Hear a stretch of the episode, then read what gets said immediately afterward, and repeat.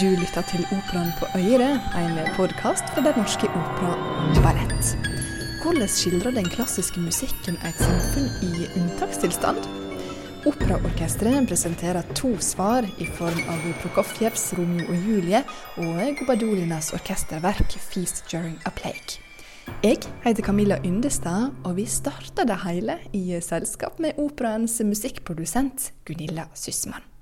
Du, nå sitter jeg med partituret til Gobaidolina sin 'Feast During a Plague', som skal fremføres av Operaorkesteret på hovedscenen på lørdag den 19.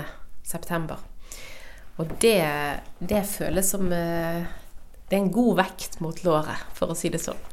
Gunilla har vært med å planlegge konserten helt fra starten av, og forteller at det var viktig å finne et program som er relevant for tida vi lever i nå. Du, Det handlet jo litt om å i denne tiden her, altså finne et program som også var relevant for tiden vår, og ikke bare forsøke å tilby kunst- og kulturopplevelser som skal på en måte hente oss ut av virkeligheten, men som, som eh, inkluderer virkeligheten i opplevelsen. Så derfor så jobbet jeg litt med det der å, å, kombinere to verk som kunne belyse det vi går gjennom nå fra to forskjellige vinkler. Da. Og det gjør jo Prokofjev sin 'Romeo og Julie' og Gobadolina sin 'Feast During a Plague'. På hvilken måte gjør det det, syns du? Altså dette med Prokofjev, da, nå var jo Shakespeare Han eh, levde jo gjennom så mange pester. At, eh, og han var jo også en av eh, Søsknene hans døde jo av en av pestene som herjet uh, gjennom England på den tiden. Og han ble jo satt i karantene når han var tre måneder gammel. Så det er jo sånn at sånn han på en måte, de tror kanskje han ble immun, da. Uh, og det var jo sånn at The Plague var jo overalt. Og det var jo på en måte sånn som du ikke snakket om, for dette var, det var for et for stort ord å ta i din munn, liksom. Um, så det gjorde at de brukte det som på en måte når de virkelig skulle ønske hverandre alt vondt på jord. Sant? I wish the plague upon you. Um, men Shakespeare tok ikke liksom det her inn i skuespillene sine i noen større grad, bortsett fra i Romeo og Julie.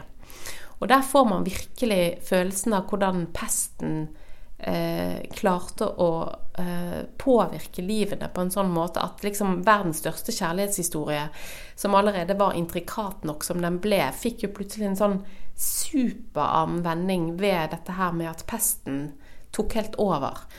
For det var jo De lagde jo sånn, sånn som dette her spillet med da eh, Julie som ikke fikk gifte seg med Romeo, så fikk hun noe hjelp da til å iscenesette en sånn falsk død. Sant? Sånn at da var jo plottet at eh, Romeo skulle bli, eh, få beskjed om dette her, sant? og han skulle komme løpende tilbake, og så skulle de rømme, og så skulle gifte seg i, i, hemmelighet og alt dette. Det skulle gå så fint, og de var jo superfornøyd med det plottet.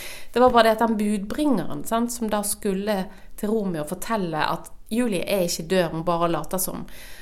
Han ble plutselig satt i karantene og nådde ikke frem med den beskjeden. Så da, når Romeo da skal tilbake og, og finne Julie, så tror han jo at han er, hun er død, så han tar livet sitt. Og sånn blir jo den historien så utrolig mye mer dramatisk og annerledes og preget av virkeligheten um, enn de hadde ønsket i utgangspunktet. Og det er litt uh, interessant, tenker jeg, med å, å spille den musikken i den konteksten nå.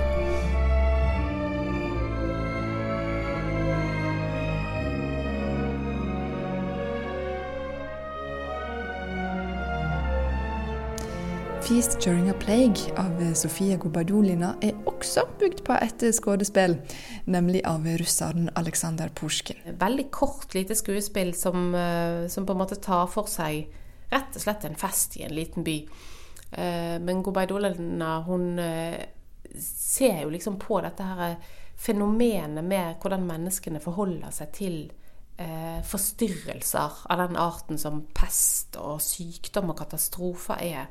Og der er vi jo så veldig eh, forskjellige. Eh, det er på en måte alt dette fra å skyve det fra oss og nekte å, konfronteres med det som er vanskelig og vondt, til å styrte oss inn i dekadensen og overfloden på en måte for å overdøve det som er plagsomt og vanskelig.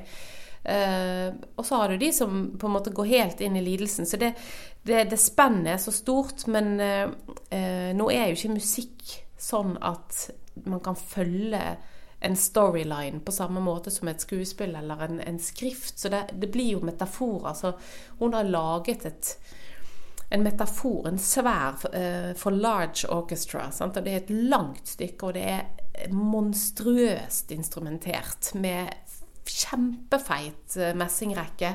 Et helt kjøkken baki der med slagverken. Der er til og med eh, tape recorder med noen lydfiler fra eh, ja, nå skal ikke jeg røpe alt, men det, det setter det hele i et veldig annet perspektiv.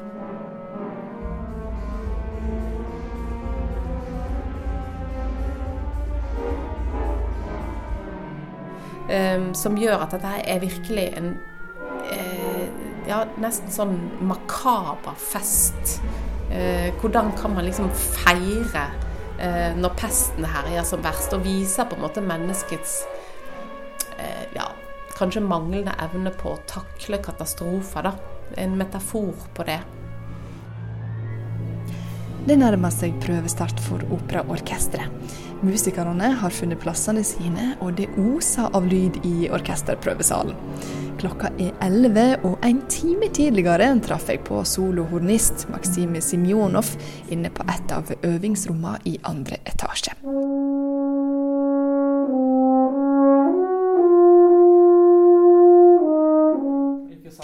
Sjøl om han har instrumentet med seg, er det litt for tidlig for en hornist å starte med oppvarminga. På tross av at du kan være på en måte våken og sånne ting, og du har jo hatt én eller to kaffe minst, eller noe, ikke sant, så leppene funker jo nesten på samme måte som, som, som alle sangerne også forteller om sin sånn stemme. At på morgenen så, så funker det ikke. Og det som skjer, det, det, vet jeg ikke. At det, det, det, Jeg vet ikke. Leppene um, Altså, hvis, hvis, du vil spille på en måte klokka ti, så må du kanskje opp klokka seks eller klokka fem. Da funker det. Men uh, det er vel sjelden det skjer, ikke sant, at du våkner klokka fem for at løpet skal funke klokka ti. Fordi du må jo spille også konsert klokka sju, og da blir jo ganske seint. Du blir jo sliten. Og det blir ikke særlig fint. så du må liksom passe, passe på ja, uh, ja. Så for eksempel hvis uh, Nå har vi prøvene uh, klokka 11. Og det er jo en vanlig tid for, for Open å ha prøve. da våkner jeg klokka åtte, litt, litt før, og så blir det bra. Nå skal jo dere tilbake med et veldig spesielt repertoar. Altså denne her Gobadolina-stykket 'Feast During a Plague' den har jo en massiv eh, messinggruppe. Mm. Eh, hvordan eh, forbereder du deg til en sånn konsert? Ja, det, det, det er et spørsmål. Altså, jeg begynte å forberede eh, på det stykket for noe sånn to uker siden, da.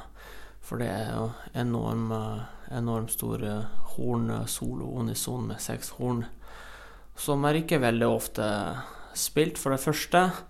For det andre eh, Det må jeg også si at heldigvis det er ikke like vanskelig som f.eks. Uh, Richard Strauss uh, sine stykker. Og, så, det, så, det, kan vi være glad for. ja, nei, men Så det, det, det, er på en måte Ja, det, det tar langsomt å forberede. Bare man, man, man må ikke pushe så mye. Ellers blir det ikke særlig morsomt etterpå. Hva er det som kan gå galt? Nei, etter en så lang pause eh, Som sagt, vi er nødt til å øve hver dag. Så for å si det sånn eh, Vi har en eh, sånn liten historie, liksom, eller ikke historie, da, men hvis man ikke øver en dag, så neste dag hører man selv Kjører man seg selv, liksom, eller føler selv at ja, du burde ha, ha, ha øvd. det. ikke sant? Hvis du ikke øver to dager på rad, og så kommer på jobb eh, den tredje dagen, dine kollegerne hører det. Og så hvis du ikke øver på en måte fire dager eller tre dager, og så fjerde dag kommer du på jobb og så spiller f.eks. For forestilling, publikum kommer til å merke det. Og det er veldig alvorlig. ja, alle, alle de Så, så vi, vi, er nødt til å holde seg i formen, men uh, samtidig etter sånn så lang periode du kan jo holde deg i formen, men du er egentlig nødt til å spille for noen. Fordi det du har i klasserommet, for å si det sånn, Eh, det er ikke det samme som du har på scene, f.eks. Alle, alle de følelsene og liksom alt, alt, alt, alt forandres, rett og slett. Og da Ja, du er jo rett og slett nødt til å, å, egentlig spille for folk, hvis du vil spille for folk, for å si det sånn. Det å spille for folk, det hadde ikke blitt så mye av under koronaepidemien. Men Maxim har likevel et lite lysglimt å by på. Jeg har jo alpehorn hjemme, så, så da, da, det ble jo litt varmere, eh, og liksom man kunne liksom ha sette en grill ute og sånne ting, da, eh, så ja, så tok jeg en tur med, med alpehorn, da. Og så spilte jeg bare inn i turen. Og så, og så alle bare sto, sto, stille og hørte på, på meg en halvtime. Og, så sa de liksom Ja, men det er så herlig at det er i hvert fall en som kom ut og gidder å spille noe for folk. Så det var, det var vel koselig. Det var veldig fint. Veldig fint å høre.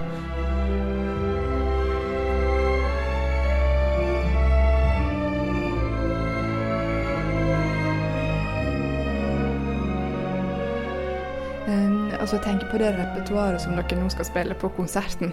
Hva syns du sjøl er det mest utfordrende ved det?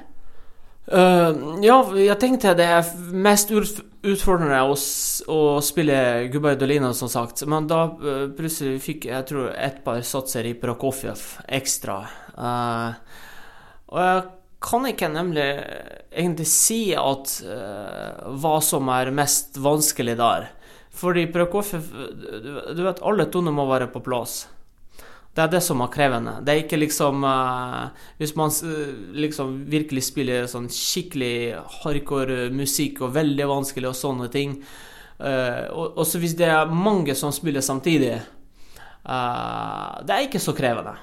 Fordi da på en måte du mister den sånn ensom følelsen men i Prokofjev du må være ekstremt presis med, med, alle dine ansatser. Og, ja.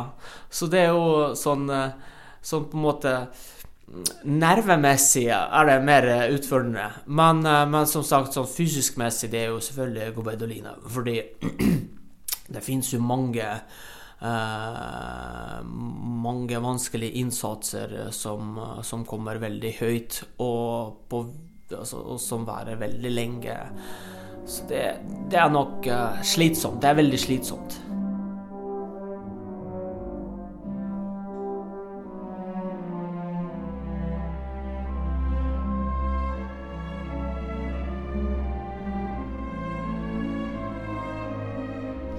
Tilbake på produsentkontoret legger ikke Gunilla Syssmann skjul på at hun tror det blir ei ganske så heftig konsertoppleving.